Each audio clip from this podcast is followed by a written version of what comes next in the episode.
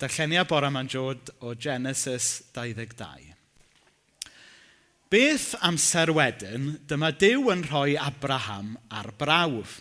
Abraham, meddai Dyw. Ie, yeah, dyma fi, atebodd Abraham. Ac meddai Dyw wrtho, cymer dy fab Isac, yr unig fab sydd gen ti, yr un rwy ti'n ei garu, a dos i ardal Morea. Yno, dwi am i ti ei ladd, a chosgiau gorff yn offrwm ar un o'r mynyddoedd. Byddai'n dangos i ti pa un. Felly dyma Abraham yn codi'n fore, torri'r coed ar gyfer chosgu'r offrwm a'i rhoi ar gefn ei asyn. Aeth a dau o'i weision ifanc gydag e, a hefyd ei fab Isaac. A dechreuodd ar y daith i ble roedd Dyw wedi dweud wrtho. Ar ôl teithio am ddeuddydd roedd Abraham yn gweld pen y daith yn y pellter. Dwedodd wrth ei weision, arhoswch chi yma gyda'r asyn tra dwi a'r bachgen yn mynd draw acw. Dyn ni'n mynd i addoli Dyw, ac wedyn down ni nôl ato chi. Dyma Abraham yn rhoi'r coed ar gefn ei fab Isaac. Wedyn cymrodd y tân a'r gyllell ac aeth y ddau yn ei blaenau gyda'i gilydd. Dad, meddai Isaac wrth Abraham. Ie, machgen i, meddai Abraham. Dad, mae gen ti dan a choed ar gyfer llosgi'r offrwm, ond ble mae'r oen sydd i gael ei aberthu? Bydd Dyw ei hun yn gwneud yn siŵr fod oen gyda ni i'w aberthu machgen ni, meddai Abraham. Felly dyma'r ddau yn mynd yn ei blaenau gyda'i gilydd. Ar ôl cyrraedd y lle roedd Dyw wedi sôn amdano, dyma Abraham yn adeiladu allor yno ac yn gosod y coed ar yr allor. Wedyn, dyma fe'n rhwymo i fab Isac ac yn ei roi i orwedd ar ben y coed ar yr achor. Gyfeilodd Abraham yn y gyllell ac roedd ar fi'n lladd ei fab. Ond dyma angel yr arglwydd yn galw arno o'r nefoedd. Abraham, Abraham! Ie, yeah, dyma fi, meddai Abraham. Paid cyffwrdd y bachgen na gwneud dim byd iddo. Dwi'n gwybod bellach dy fod ti'n parchu dew oeddet ti hyd yn oed y fodlon a berthu dy fab i mi, yr unig fab sydd gen ti. Gwelodd Abraham hwrdd y tu ôl iddo. Roedd cyrn yr hwrdd wedi mynd yn sownd mewn drysni. Felly, dyma Abraham yn cymryd yr hwrdd a'i losgi yn offrwm i ddew yn lle ei fab. Galwodd Abraham y lle yn yr arglwydd sy'n darparu. Mae pobl yn dal i ddweud heddiw, mae'r arglwydd yn darparu beth sydd ei angen ar ei fynydd. Dyma angel yr arglwydd yn galw Abraham eto. Mae'r arglwydd yn dweud, dwi'n addo hyn ar fy llw am dy fod ti wedi gwneud beth wnes ti. Roeddet ti'n fodlon y berthi, dy fab i mi, yr unig fab sydd gen ti. Dwi'n mynd i dyfendithio di go iawn a rhoi cymaint o ddisgynyddion i ti ac sydd o ser yn yr awyr. Bydden nhw fel y tywod ar lan y môr – a bydden nhw'n concro dinasoedd ei gylynion. Trwy dy ddisgynyddion di, bydd cenhedloedd y byd i gyd yn cael ei bendithio am dy fod ti wedi gwneud be ddywedau si. Felly, aeth Abraham yn ôl at ei weision, a dyma nhw'n teithio gyda'i gilydd i Bersheba, lle gwnaeth Abraham setlo. A byddai bendydd dew ar ei air i ni. Felly, y teitl um, sydd i'r neges bore yma ydy y Dyw sydd angen dim ond yn gofyn am bopeth. Um, I ni'n cofio erbyn hyn, mae'r ysbrydoliaeth i'r gyfres ydy can Take That. Never forget where you've come here from. Um, er mwyn deall heddiw, mae rai ni wybod beth ddigwyddodd ddoe.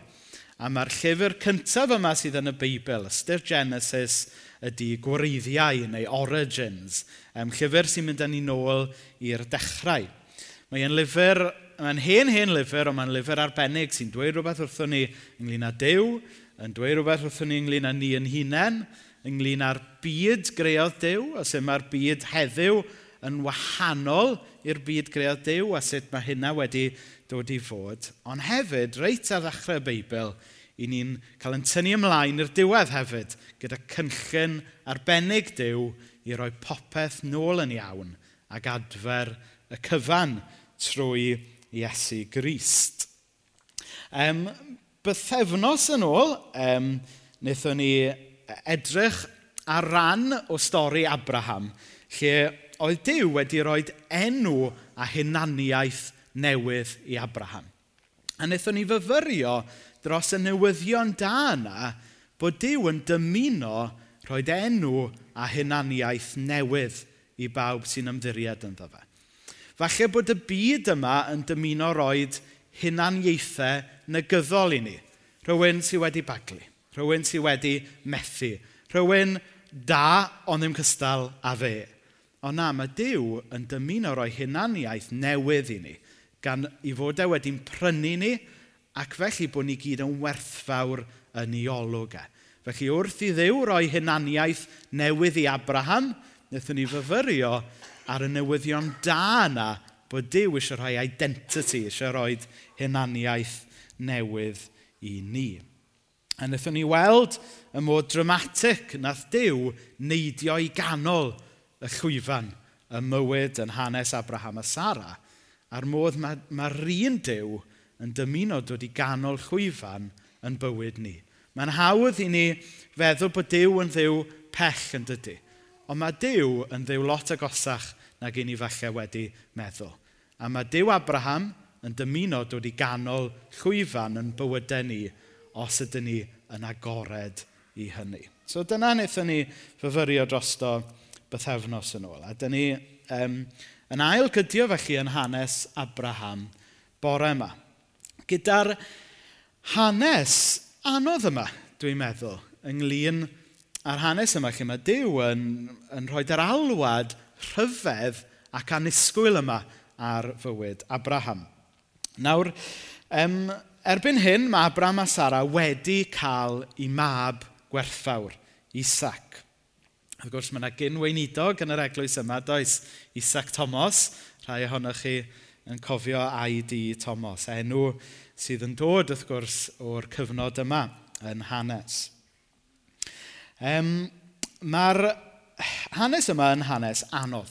Dwi'n meddwl bod yn un o'r hanesion anoddaf y Beibl i gael yn pennu rownd iddo fe.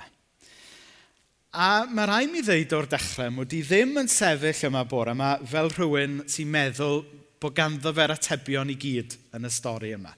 Um, os oeddech chi'n gobeithio, fysa chi'n gadael yma bore yma'n cael atebion twt i'r dirgelwch i gyd sydd yn y stori yma, wel, dwi'n mynd i'ch siomi chi.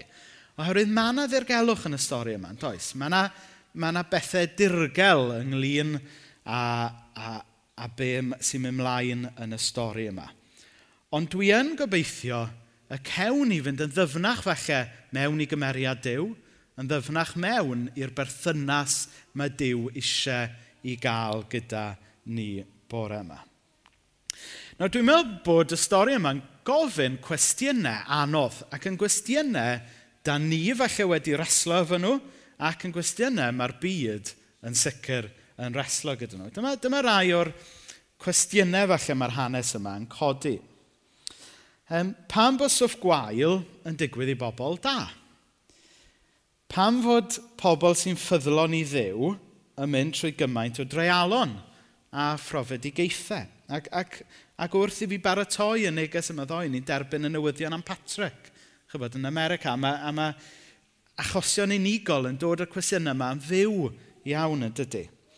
Pam fod Dyw sy'n ddew cariad yn rhoi Abraham trwy'r fath brawf, trwy'r fath hunllau? pa fath o berthynas i gan ddew ag Abraham bod Dyw yn mynnu cael yr, cael yr sylw a'r sicrwydd yma. A mae'n gofyn cwestiynau anodd yn dydy ynglyn... Um, oedd yr gymhariaeth nes i weld oedd um, bod rhai pobl yn dehongli'r stori yma fel bod Dyw yn rhyw blentyn bach drwg sydd wedi dal gwybedyn ac yn tynnu coes neu adenydd off un wrth un, jyst er mwyn gweld lle mae breaking point y gwebeden. Mae bod pobl ar ryw syniadau felly ynglyn â Dyw. A chybod, dwi'n meddwl dylen ni jyst brwsio hwnna i'r neilltu a dweud, o, jyst pobl sy'n mynd deall cymeriad Dyw ydy hwnna. Mae'r cwestiynau yma yn gwestiynau pwysig i ni fel credinwyr reslo gyda nhw hefyd. Achos dyna'r cwestiynau mae'r byd i ni yn ceisio rhannu'r newyddion da gyda yn ei gofyn. Ac felly maen nhw'n gwestiynau dylen ni fod yn gweithio trwyddyn nhw. Ond dwi'n meddwl bod modd crynhoi yr holl gwestiynau yma, a'r cwestiynau mae'r hanes yma'n codi, i lawr i'r cwestiwn sylfaenol yma.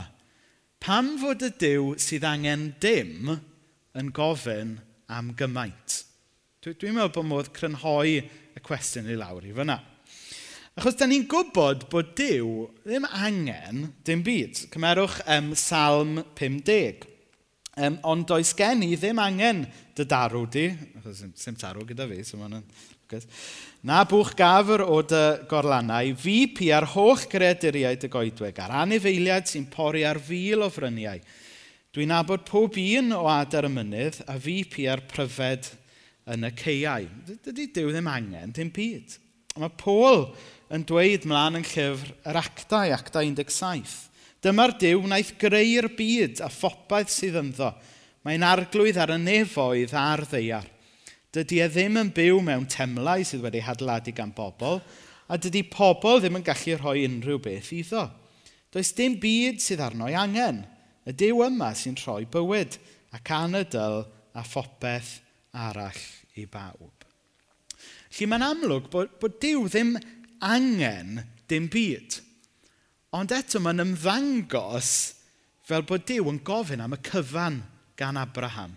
Pan bod y Dyw sydd angen dim byd yn gofyn am y cyfan. Sut mae deall y paradox yma?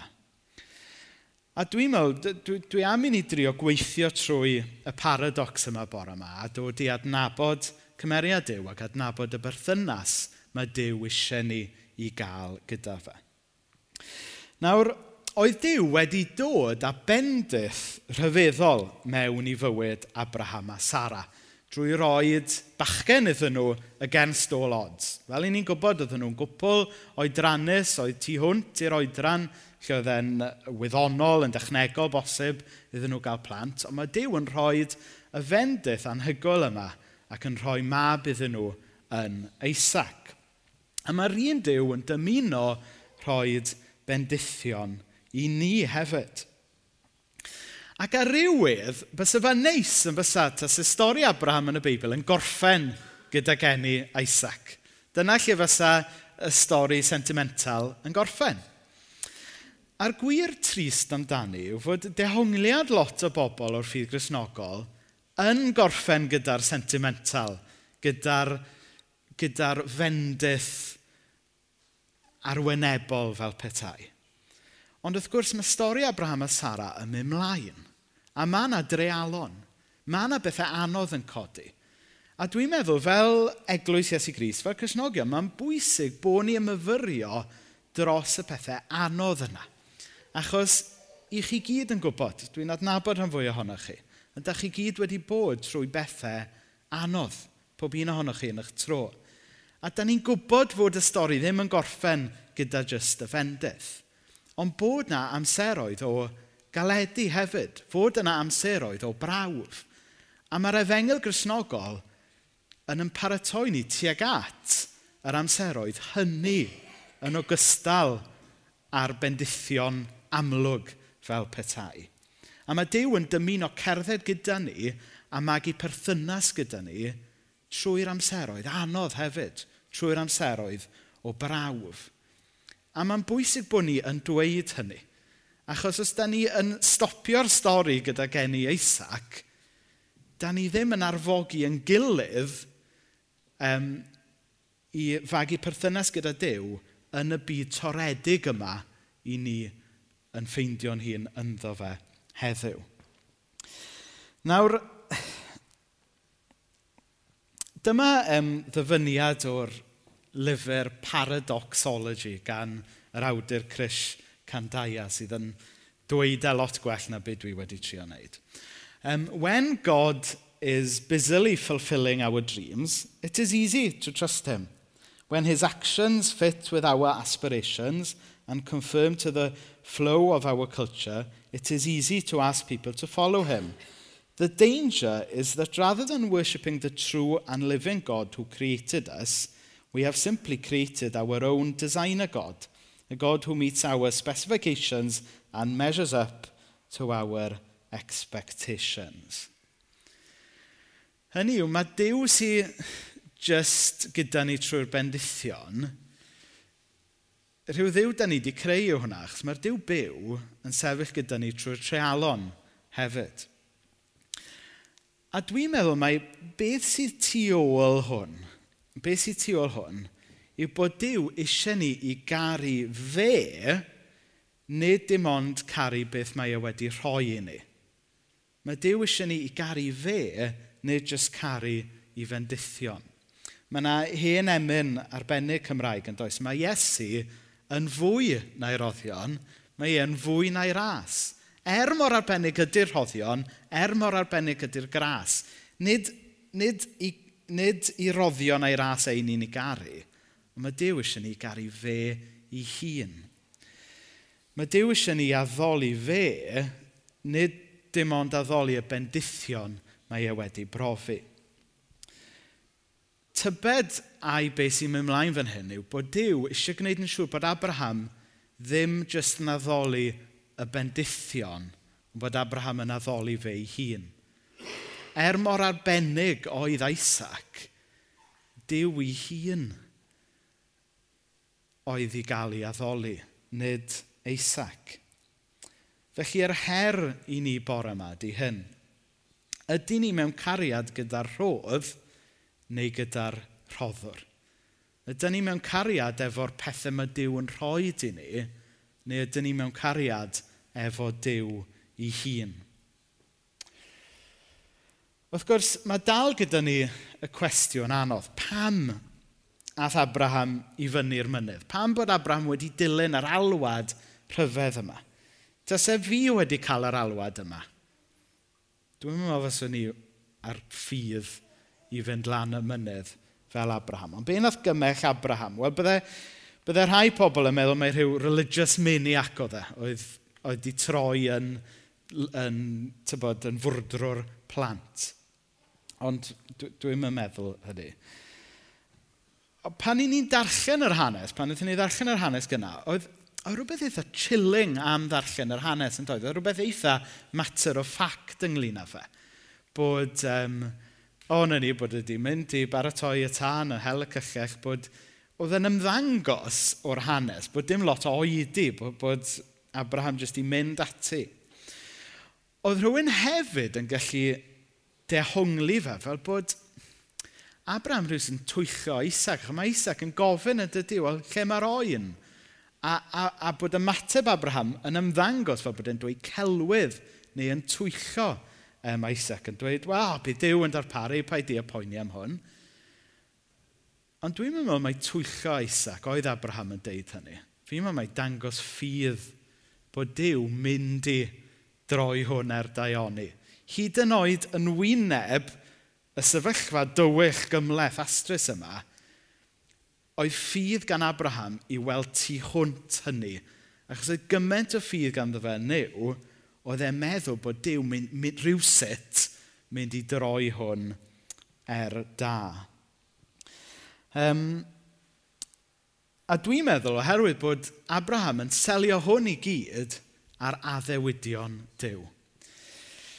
Nawr, e, yn rhyfedd iawn, wnaethon ni drafod hwn yn yr astudiaeth nos fawrth, sef y tensiwn yma da ni'n byw ynddo drwy ydy ni'n gadael un emosiynau a'n profiadau reoli'n bywyd, neu ydan ni yn gadael i addewidion Dyw arwen yn bywyd. Nawr, dwi'n siŵr yn ddiwynyddo, fysa'ch chi o, oh, addewidion dew, ie, yeah, ie. Yeah. Ond, os ydych chi fel fi, ydych chi llawer fwy aml yn gadw eich profiadau a'ch emosiynau eich arwen chi. Ond dwi'n meddwl mae beth sy'n digwydd fan hyn, er y bydde Abraham, mae rhaid yn mynd trwy y profiad a'r emosiwn dyfnaf a mwyaf cymleth yma.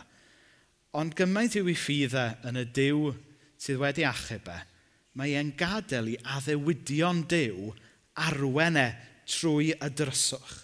Mae'n gadael i addewidion Dyw arwen e trwy y prawf. A dwi'n meddwl bod hwnna'n bwysig i ni. Achos pan i ni yn ffeindio'n hunain yn y tywychwch, pan da ni yn ffeindio'n hunain mewn pethau anodd bywyd, mae e'n hawdd gadael un emosiwn am profiad ni yn llethu ni, am baglu ni'n dydy. Ond os ydy'n ffydd ni wedi iselio ar addewidion Dyw yn hytrach na profiadau, mae hwnna'n angor sy'n mynd i gario ni trwy um, y profiadau a'r moment anodd yna. So dyna beth cyntaf. Dwi'n meddwl oedd Abraham wedi mynd trwy hwn wrth edrych a dibynnu ar addewidion Dyw. Wedi dweud hynny, mi oedd hefyd profiadau gan Abraham Abraham o ddiw. Mi oedd e'n gallu edrych yn ôl ar y profiadau yna lle oedd Dyw wedi fendithio fe yn y gorffennol. Oedd e'n gallu edrych nôl a gweld bod Dyw wedi bod yn ffyddlon trwy amseroedd anodd pan oedd e pan oedd nhw'n disgwyl am fab a gwneud llanast o bethau gyda Hagar a, ag Ismael ac yn y blaen, a bod Dyw wedi bod yn ffyddlon trwy hynna. Felly, ar un llaw bydde rhywun yn meddwl bod Abraham drwy fynd fyny'r mynydd efo'r tân, efo'r gyllell, efo Isaac, mae rhyw religious maniac oedd e gyda rhyw ffydd ddall. Ond na, dyn oedd e a ffydd wedi selio ar addewidion Dyw ac hefyd profiadau blaenorol o ffyddlondeb Dyw. Felly mae hyn yn bwysig yn dydy. Da ni yma bore yma ddim yn bobl sydd â ffydd ddall yn yr arglwydd – dwi ddim eisiau chanwch chi gymryd rhyw blind leap of faith. Dwi eisiau chanwch chi gymryd cam mewn ffydd yn seiliedig ar rhywbeth. Yn seiliedig ar addewidion Dyw ac hefyd yn seiliedig ar brofiadau blaenorol lle mae Dyw wedi bod yn ffyddlon i chi. Ond wrth gwrs, eris y cwestiwn, o hyd eris, dwi'n rhaid yn ddi'r gair yna o blaen, Ond mae'r cwestiwn gyda ni o hyd, pam oedd rhaid iddo fe fod fel hyn? Pam oedd rhaid i'r Dyw sy'n llawn cariad roed ddysgu'r wers yma, ffordd yma i Abraham? Ond i fydde yna ffordd haws iddo fe ddysgu'r gwers yma i Abraham. Wel, dwi ddim yn gwybod pam. Mae hwn yn rhywbeth sgenna i ddim ateb iddo fe. Um, ond dwi yn meddwl y gallwn ni dynnu gwersi o'r hanes yma. Nawr, y wers gyntaf, dyn ni wedi cyffwrdd yn barod. Ydyn ni'n addoli dew neu ydyn ni'n addoli i fendithio yna? Dyna'r wers gyntaf sy'n codi i ni. Nawr, dwi'n meddwl, os nad yw'n ffydd ni yn costio rhywbeth, mae eisiau ni holi a dyn ni mewn gwirionedd yn adnabod y Dyw byw. Mae Dyw sydd dim ond yn dweud beth i ni eisiau glywed ac yn rhoi seilbendith ar y bywyd i ni eisoes yn ei fyw, ddim rili really yn ddiw go iawn. Yn hytrach, mae e'n fasgot i ni jyst wedi i greu i gyfiawnhau sut i ni ar hyn o bryd. O roed y peth fel hyn, mae'n bwysig bod ni wedi yn creu ar lun a delw dew, Ond yn llawer rhy aml, da ni'n creu dew ar yng llun andelw ni yn dydy. Mae dew yn yn caru ni jyst fel ydy ni. Dyna yw'r newyddion da, ond mae dew yn caru ni ormod i'n gadael ni fel i ni. Os ydyn ni'n adnabod y dew byw, mi fydd e yn yn herio ni. Mi fydd e yn yn stretcho ni, achos mae e eisiau yn newid ni. Mae'r Dyw go iawn eisiau ni i garu fe nid dim ond caru i fendithio yna. Yr ail wers i ni'n tynnu o'r hanes yma.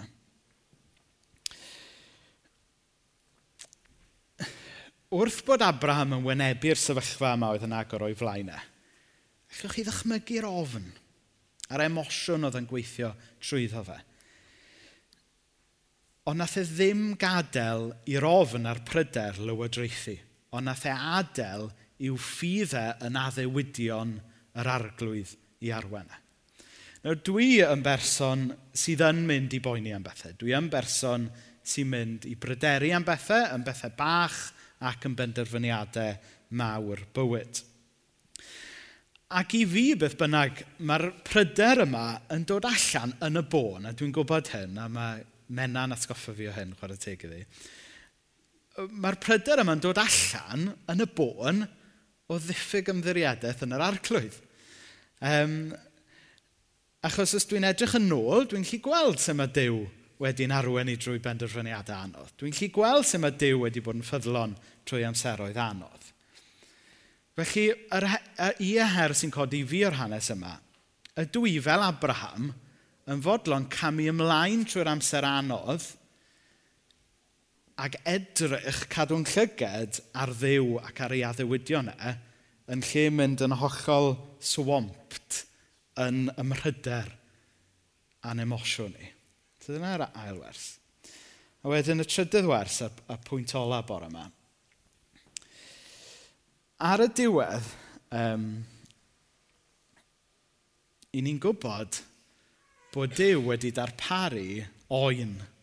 Ac yn y diwedd, nath Isaac ddim gael i aberthu.